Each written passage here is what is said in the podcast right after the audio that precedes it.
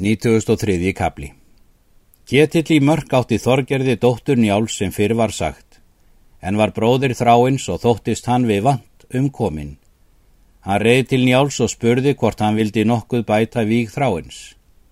Njál svaraði, bæta vil ég, svo að vel sé, og vil ég að þú leitir þess við bræður þína, þá er bauga eiga að taka að þeir taki sættum. Ketill hvaðst það vildu gera gjarna. Var það þá ráð þeirra að Ketill skildi fara og finna þá alla er gjöld áttu að taka og koma á griðum. Síðan reyð Ketill heim.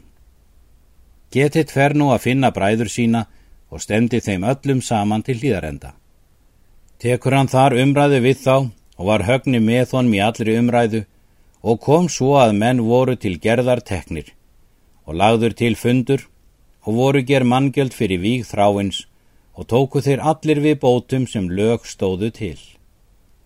Síðan var mælt fyrir tryggðum og búið um sem trúlegast. Greiti njálf fjö alltaf hendi vel og skörulega.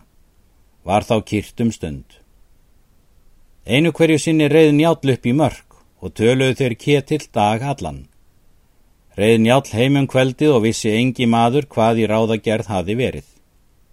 Littlu síðar fór ketill til grjótár. Hann mælti til Þorgerðar, lengi hef ég mikið und þráni bróður mínum. Mun ég enn það sína, því að ég vil bjóða til fósturs höskuldi síni þráins. Gera skal þér kost á þessu, segir hún. Þú skalt veita þessum sveini allt það er þú mátt. Þá er hann er roskin og hefna hans, ef hann er með vopnum vegin, og leggja fér til konarmöndur honum, og skalt þú þetta allt sverja. Hann hjáttaði þessu öllu fer höskuldur nú heim með kalli og er með honum nokkur að hríð.